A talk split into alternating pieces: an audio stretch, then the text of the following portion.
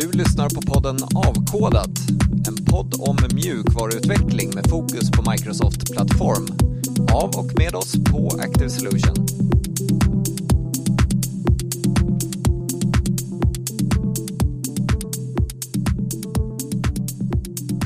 Varmt välkommen till det här avsnittet utav Avkodat.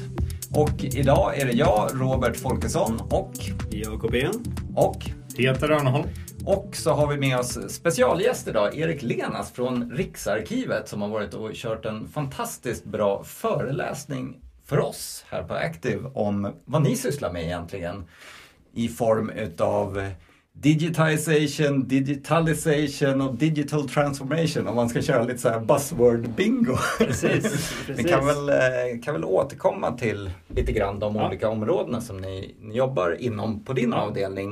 Eh, Absolut. Men du kan ju få berätta lite grann om dig själv. Ja, jag heter alltså Erik Lenas och jag är Lead Data Scientist på Riksarkivet. Eh, Vi har en AI-enhet där som jobbar med att digitalisera historisk text bland annat och också effektivisera vår eh, verksamhet. Och du har ju berättat om det jättespännande arbete som, som ni håller på med. Ehm, Kan du berätta lite grann om liksom bakgrunden? Hur, vad, vad är ursprunget till att den här enheten formades? Och, och, Ja, det ska jag göra. Det är så här, i våra bunkrar, i våra arkiv så har vi ungefär 800 000 hyllmeter av dokument som sträcker sig från medeltiden till nutid. Och det här är en skattkista av information som sitter i våra arkiv och används i väldigt liten utsträckning. Och vårt mål, det är att digitalisera den här skattkistan och föra ut den till forskare, till allmänhet, så att våra arkiv faktiskt används också. mm.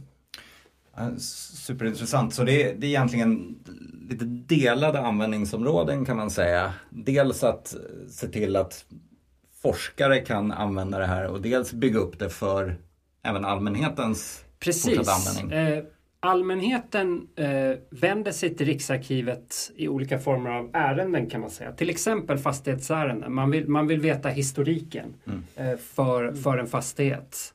Eh, och här kommer AI-labbet också in. För, för här gäller det att effektivisera vår ärendehandläggning. Mm. Så att en arkivarie inte behöver gå ner i bunken, leta upp rätt, rätt dokument, söka igenom det och hitta informationen som söks. Det tar jättelång tid. Om vi istället digitaliserar alla fastighetshandlingar och, och lägger, in, eh, lägger in informationen i en databas som arkivarierna kan söka mot Mm. direkt så är det klart att det, det, det förkortar ju ärendehandläggningen dramatiskt och, Mm. och, och förbättrar det sättet på vilket vi fullföljer vårt statliga uppdrag. Mm. Men det här forskningsbenet, det är Ja. nästan ännu mer spännande. För Ja. där, där börjar man titta på riktigt coola användningsområden för AI egentligen. Precis. Och eh, här handlar det om historisk text. Eh, historisk löptext, historiska tabeller och, och den data vi har det är alltså myndighetsdata. Eh, från liksom trolldomskommissionen på 1500-talet till, till eh, Säpo i nutid. Liksom. Mm. Men, men eh, det vi vill göra det är att vi vill göra något som kallas HTR, det vill säga handskriftsigenkänning. Förvandla först de här dokumenten till bilder via scanning och sen förvandla bilderna till digital text eh, via HTR. Och sen vill vi vidare applicera språkteknologi eh, och historiska språkmodeller eh, på den här digitaliserade texten. Okej, som en large language model men Precis. med det som träningsdata. Precis, som är, som är tränade för att klara av historisk text. Och nutida text. Så att till exempel man kan interagera med historisk text via ett modernt språk. Eh, Så att den kan lära sig att relatera modernt språk till Mm. historisk text semantiskt. Så eh, chatta med en eh, 1600-tals text med gatuslang. Precis, det är drömmen. Det är visionen. ja, det är otroligt coolt. Ehm, och ni, ni, ni bygger upp även eh, egen compute-kraft för det här med de säkerhetskrav ni har och så vidare. Vi gör det för, för vi har som sagt eh, säkerhetskrav. Vi kan inte använda Eh, olika, olika, vi, vi, kan inte använda amerikanska molntjänster till exempel. Eh, vi, vi, har mycket personuppgifter, vi har mm. även sekretessbelagd data. Eh, så all, all compute måste vi bygga upp on-prem, mm. alltså lokalt. Eh, vi, i, vissa, I vissa fall får vi använda eh, EuroHPC som är ett nätverk av superdatorer mm. som är framtagna med, med höga, höga säkerhetskrav. Liksom. Mm. Eh, men, men, vi använder egentligen bara det för, för data som inte är känslig också. Eh. Jag kan ändå tänka mig att det, det försiggår rätt så mycket kompetensutbyte och liksom modellutbyte och sådär mellan olika länder som håller på med liknande arbete då? Absolut, vi, vi, har, vi har ganska nära samarbete med de nordiska eh, riksarkiven. Vi har även ett ganska nära samarbete med Kungliga biblioteket, mm. eh, eller kommer ha framöver i alla fall. Eh, så det, för, det pågår samma processer pågår på kulturminnesinstitutioner över hela världen skulle jag säga. Och, mm. eh, eh det är lite det som är coolt också för, för det, det, är så otroligt mycket information som kommer tillgängliggöras och kunna kopplas eh, mm. och kunna relateras och kunna korreleras av humaniora-forskare världen över. Byggs det AI, små AI-labb nu då på på alla de här nordiska? Det gör det. Ja, de gör det. Ja. Det gör det. Eh, Danmark senast för eh, ett par veckor sedan eh, startade en Data Science-avdelning. Eh, Finland har haft det ett bra tag och Norge också. Eh, så, så det, det, det, är liksom, det byggs upp. Mm.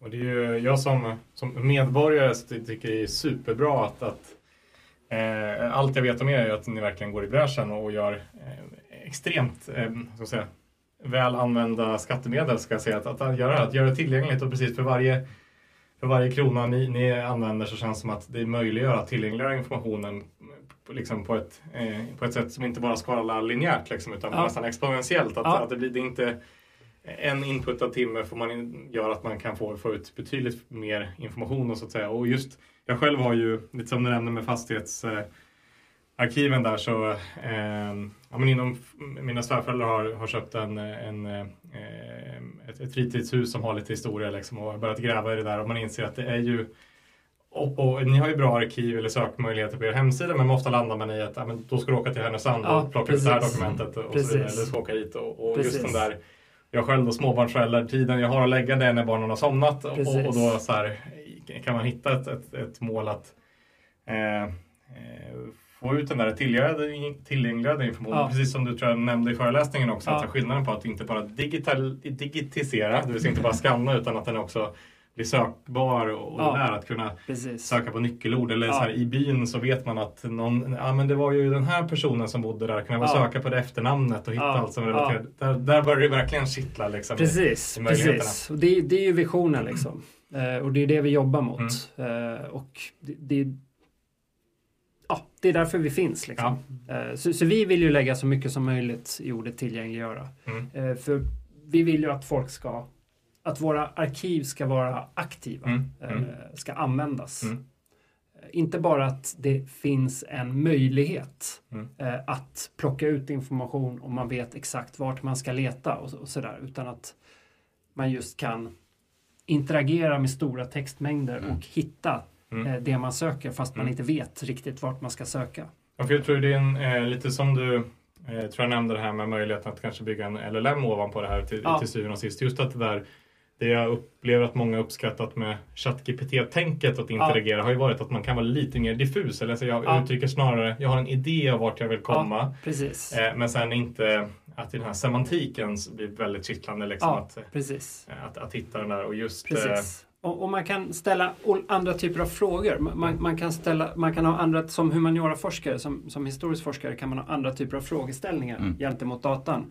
Och man kan undersöka dem empiriskt genom att interagera med väldigt stora textmängder. Mm. Eh, istället för att närläsa eh, specifika texter som, mm. som, också är jätteviktigt och som kommer fortsätta vara viktigt. Men, men den här da, datadrivna forskningen som möjliggörs av det här kom, mm. kommer, kommer komplementera den, den forskningen väldigt bra tror jag. Kan du säga någonting om hur, alltså de här, i och med att ni använder de här nya språkmodellerna som, som bas för det här och de är ju ändå ganska nya ja. teknologiskt sett. Eh, liksom, hade det här, det som ni gör nu, hade det varit möjligt att göra för, för tio år sedan så att säga? Eller Nej, man hade gjort alltså, det, det, sätt, det, men... det, hade inte ens varit möjligt Nej. att göra handskriftsigenkänningen. Mm. Eh, den, var, den var alldeles för, för dålig. Mm. eh, för tio år sedan. Det, det fanns inte rätt metoder, det fanns inte rätt arkitekturer. Eh, utan den första riktigt bra arkitekturen för handskriftsigenkänning som var en liten så revolution in, inom, inom det. Den kom, jag tror det var 2016.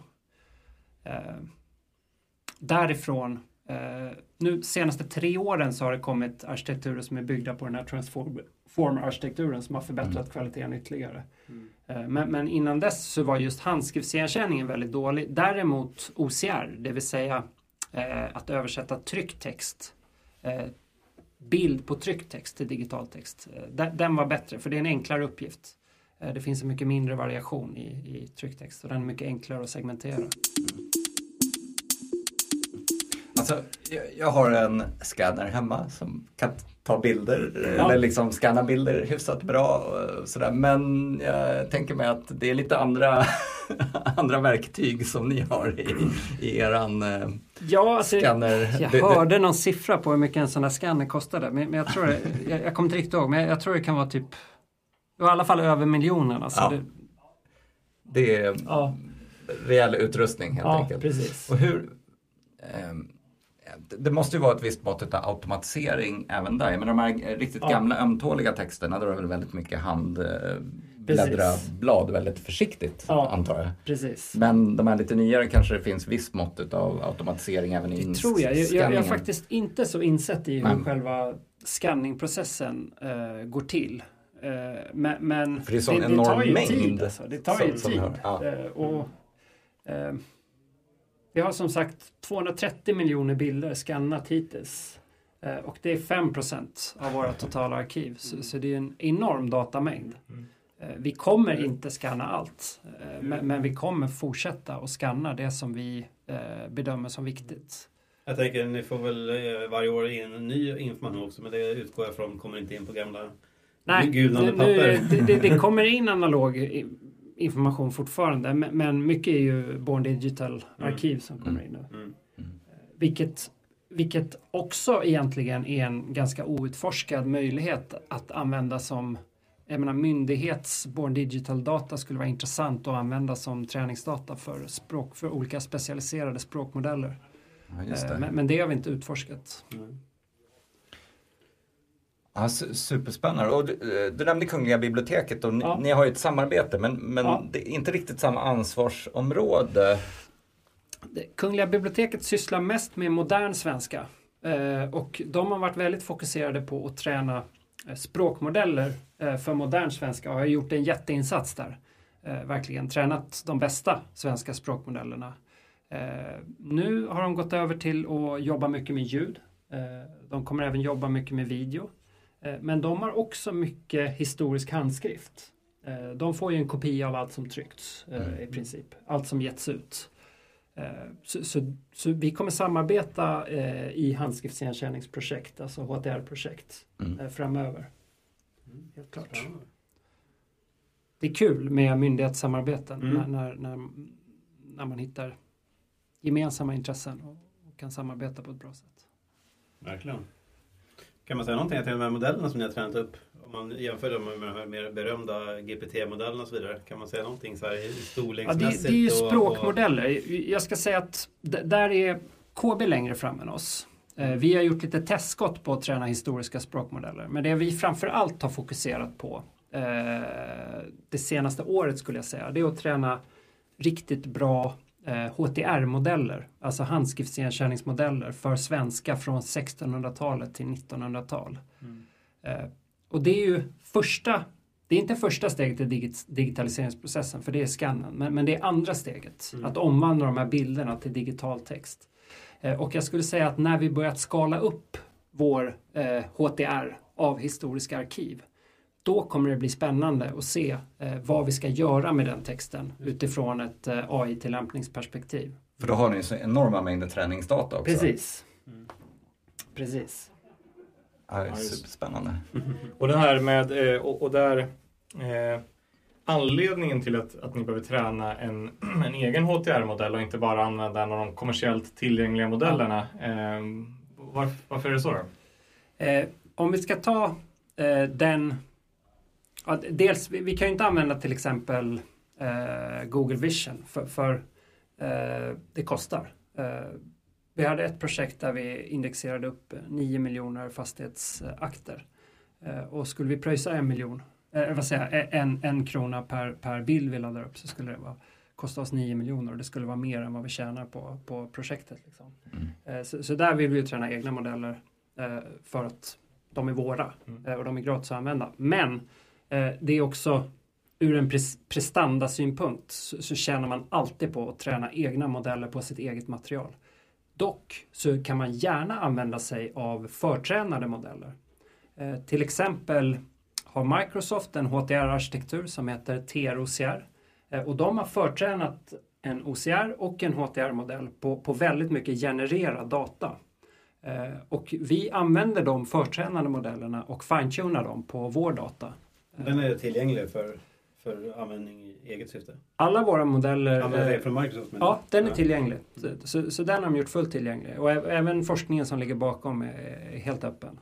Och det förstår jag också att det är just den här att de, de kommersiella intressena tar ofta fram modeller som är gjord på liksom modern 20, alltså från Ja. 2000-talet medan Ja. det, det är fundamentalt annorlunda text från 1600-talet. mot- Precis. Det, det, går, det går inte att använda HTR-modeller som bara är tränad på modern svenska, speciellt inte modern engelska, men, men även, även HTR-modeller som är tränade på modern svenska fungerar uselt på 1600-talstext. Men, men vice versa då, för ni, ni har ju hela spannet, även det kanske är mest gammalt, men ni Ja. har ju en del nytt också. Ja, Så att det här som ni tränar upp från gamla, klarar det av ny text eller har ni... Eh, vi, vi, har, vi, har, vi har skurit av vid ungefär år 1900 nu eh, i träningsdatan. Men vi har ju också mycket eh, handskrivna formulär från eh, 1900-talet som Mm. vi kommer vilja eh, digitalisera. Mm. Eh, så, så då kommer vi vidare träna de basmodeller vi har eh, på mer nutida data. Eh, så, så det är liksom en, en iterativ process, eller, eller vad ska man säga? Man, man bygger på det vi har hela tiden. Eh, Och så fine-tuningen som du nämnde där, då, då lägger ni liksom ett litet eget träningslager ovanpå kan man säga. Ja Den- precis, då har, man, då har man en modell som har tränats på mycket data. Mm. Eh, en så kallad basmodell. Och den har tränats på mycket data med hög variation. Eh, så att den generaliserar bra över ny data. Men sen när man vill köra den modellen, vi säger att vi har en HTR-modell, vi vill köra den på ett specifikt arkiv, säg Svea hovrätt, Mm. Eh, som är ett stort arkiv på ungefär 500 000 sidor. Eh, då vill vi ha den bästa tänkbara modellen. Så då tar vi vår basmodell, vi, vi transkriberar 100-200 sidor av Svea hovrätts material med spridning över hela, hela spannet. Mm. Eh, Och sen fine-tunar vi vår basmodell, det vill säga vidareträna på de här två sidorna. Just det. Eh, 200 sidorna. Och det som händer då är att vi specialiserar vår basmodell på Svea hovrätt. Eh, Det, det, det är en form av transfer learning som det kallas. Mm. Och Det är väl något liknande som till exempel OpenAI de här har gjort. De har också byggt de här enorma basmodellerna Ja. men för att faktiskt få dem användbara sen, till exempel i ett Ja. ChatGPT-scenario.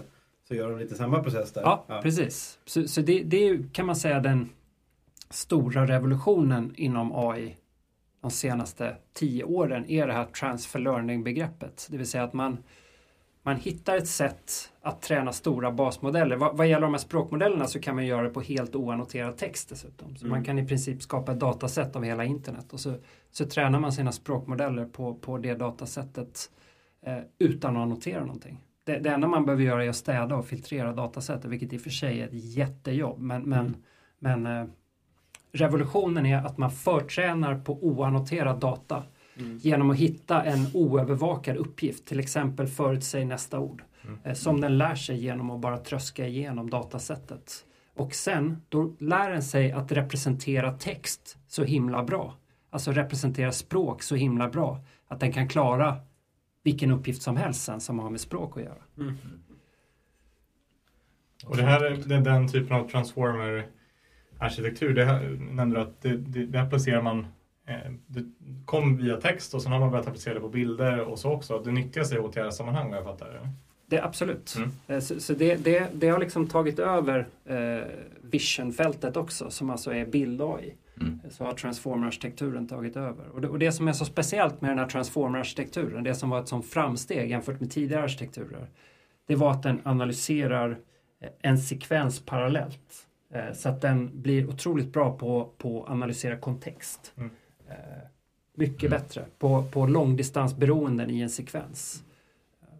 Och det är ju så intressant just det här, vi pratade om det förut med det, eh, som du nämner att HTR-modellerna bygger, den analyserar inte bara ett tecken i taget utan det Nej. är just sekvensen där. Va? Ja, precis. Så att eh, den, den tolkar en bokstav eller en token eh, inte bara beroende på hur handskriften ser ut utan Mm. beroende på eh, hur alla, alla bildsegment runt om ser ut. Eh, så, så det blir som en liten, en liten språkmodell. Som ju vi människor Inbyggda. också gör utan att tänka på det. Precis, det är så vi gör. Det är att, så vi eh, gör. Du sa det, utmaningen med att läsa, och liksom hantera läsordning som du sa. Ja. Det kan ju se väldigt olika ut om det är ett formulär eller om det är en tidning Ja. eller så vidare. Ja. Som människa så på något sätt klarar man ju av det utan att egentligen Precis. tänka på det. Precis. Men modeller kan ha svårt för det där. Men, men, Absolut. det är- Och där är ju fortfarande, även de bästa modellerna vi utvecklar, ju otroligt ineffektiva jämfört med människor. En, Mm. eh, en eh, självkörande bilar, ett system för det liksom, eh, behöver miljoner träningstimmar eh, och de är fortfarande sämre än en människa som, som har suttit 50 timmar bakom en bil. Så, så det finns fortfarande mycket framsteg att göra vad gäller, vad gäller eh, arkitektur och sånt tror jag. Mm. Eh, det finns fortfarande mycket, mycket att lära av den mänskliga hjärnan till exempel. Hur ser du på att generera träningsdata? Ehm, Eh, ja, det, det var till exempel det Microsoft gjorde med sin TROCR-modell. Så, så i vissa... Eh, det är en jätteviktig teknik tror jag. Mm. Eh, för att lätta upp eh, annoteringsarbetet. Mm. Eh, man, kan ju, man kan ju till exempel använda en modell för att generera annoteringar. Till exempel annotera upp regioner i en bild. Kan man ju låta en basmodell göra det och sen kan man gå in och rätta de annoteringarna. Så blir Mm. jobbet väldigt mycket mer effektivt. Sen, sen finns det ju liksom det finns ju olika åsikter om det, men när det gäller de här jättestora språkmodellerna som är tränade på hela internet eh, så, så tror vissa att man kommer eh, slå i ett tak eh, där, där modellerna inte blir bättre för att de tränas på så mycket självgenererad data. Mm. Eh, så, så att förbättringarna planar ut. Eh, men, men vissa tror att det, det, förbättringarna kommer fortsätta. Så, så det, eh, vi får se. det återstår att se. Nagelbitare här framöver. Ja, verkligen. Och framtiden då för er? Vad, vad ligger i, i pipen så att säga nu Eh, mycket. Eh, vi, vi får liksom vi får prioritera vissa saker. Men, men prioriteringen just nu det, det är att dels olika typer av effektiviseringsprojekt för, för att det, det, det ligger i vårt uppdrag att utföra vårt, eh, vår ärendeanläggning på, på ett så effektivt och bra sätt som möjligt. Eh, och sen vill vi ju skala upp vår HTR och generera högkvalitativ historisk text. Eh, och det kommer vi kunna göra massor av spännande saker med. Mm. Superspännande. Ja, verkligen. Ja, Det är alltid kul att höra från människor som är så extremt duktiga och som verkligen, ni har grävt i det här och, och eh, det är ju en del är ju svårt för oss också att förstå detaljerna i. ja. Men eh, väldigt jättespännande och inspirerande att höra vad ni, vad ni jobbar med där. Ja, Och, eh, jättekul att komma hit. Vad vi kommer få tillgång till. Ja men precis, och just den här att det, känns ju som att ni är helt rätt ute i där det kanske finns eh, Det finns jag uppfattar att det ni gör finns det inte så jättestora kommersiella intressen av utan det är ju mer så här, utifrån forskning och sånt. Det vill säga att det är ett, ett superintressant case där en myndighet kan nyttja AI-potentialen där, där, Ja, där de kommersiella delarna av samhället inte kanske kommer göra det. ja, Eh, såklart att det finns släktforskningsperspektiv och sånt men det är inte i den nivån att eh, det behövs någon som er som sitter på datamängden och så kan mm, träna upp på, på den data ni har. Liksom. precis. Och just det där också att ni tillgängliggör det. Eh, Som medborgare är det superbra, att- eller superroligt att ni tillgängliggör modellerna som, som öppna modeller har jag Ja. förstått. Så det Ja. går att, eh, de finns på Hugging. De Face, finns på Hugging Face. Och på Hugging Face har vi även ett eh, demo som illustrerar HTR-processen som heter HTR Flow. Mm. Eh, Så att är ni intresserade, gå in på Riksarkivets Hugging Face-sida och eh, testa det demot. Vi kommer ta med länken också Ja. i avsnittet också Ja, så att man kan härligt. följa den där. Vad skulle man behöva för en hårdvara för att Ja, köra Den, den, eh, vi, vi får en GPU från Hugging Face, så den kan man köra Ah, online. Eh, Skulle man vilja köra den, man kan ju såklart klona Mm. appen och köra på sin egen hårdvara. Det beror lite på hur många sidor man vill transkribera. Mm. Vill man transkribera 10 sidor så behöver man eh, eh, en jättebillig GPU. Mm. Man kanske inte ens behöver en GPU. Vill man transkribera en miljon sidor så behöver man nog skaffa lite dyr hårdvara. Som så ofta blir. Ja. Ja. Strålande. Ja, ehm, vi får tacka så hemskt mycket för att du ville gästa Avkodat och Ja. för att du eh, kom och körde en fantastisk föreläsning för oss också. Ja, Tack, Tack för så att komma mycket. hit. tack så Tack så mycket. Och tack till dig som har lyssnat. Vi hörs snart igen. Ha det bra. Hej då! Hej då!